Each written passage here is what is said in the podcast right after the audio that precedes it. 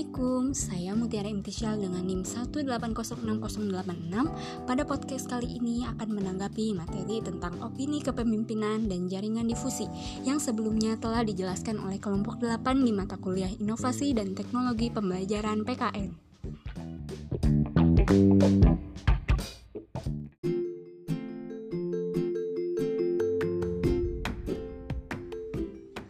Hal yang saya pahami di sini ialah bahwa opini kepemimpinan adalah tingkat di mana seseorang individu mampu secara informal mempengaruhi sikap atau tingkah laku individu yang lain ke arah yang diinginkan dengan frekuensi yang relatif.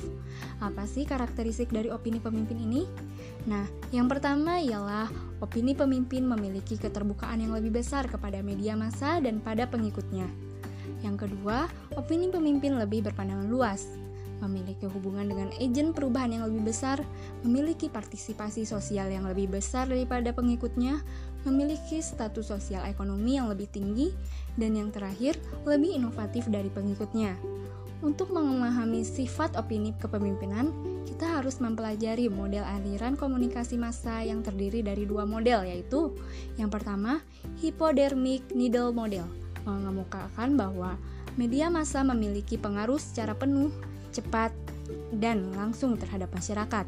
Model ini dicontohkan dari beberapa peristiwa sejarah yang di antaranya satu Pesan surat kabar Hertz dalam membangkitkan dukungan publik untuk Perang Spanyol Amerika. Yang kedua, tenaga mesin propaganda Goebbels selama Perang Dunia II. Dan yang ketiga, pengaruh Madison melalui jalan mengiklankan pada konsumen dan perilaku memilih. Model yang kedua yaitu the two-step flow model, menyatakan bahwa pesan-pesan komunikasi mengalir melalui saluran media massa kepada opini pemimpin dan dari mereka ke masyarakatnya. Saluran media massa terutama semata menciptakan pengetahuan, sedangkan jaringan hubungan interpersonal menjadi lebih baik untuk membujuk individu mengadopsi atau menolak. Dugaan ini secara tersirat merupakan pernyataan dari dua langkah model, sebab urutan waktunya melibatkan proses pengambilan keputusan.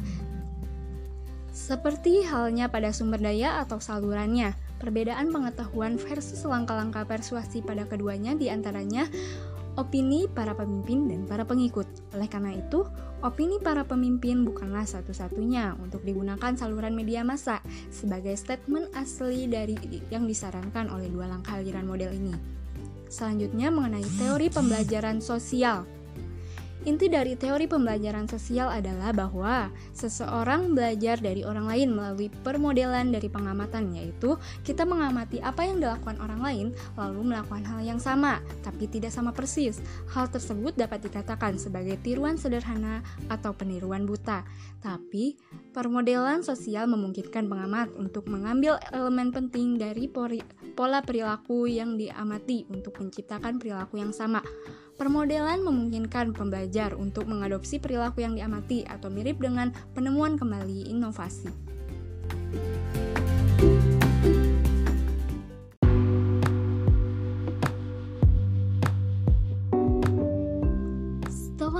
Mengungkapkan ide gagasan dari materi opini pemimpin dan jaringan difusi tadi, timbullah pertanyaan dari saya untuk kelompok 8 yakni, bagaimana pandangan kelompok jika seseorang yang memiliki kemampuan dan memenuhi segala karakteristik dari opini pemimpin namun berada di bawah seseorang yang dipimpinnya, itu akan seperti apa?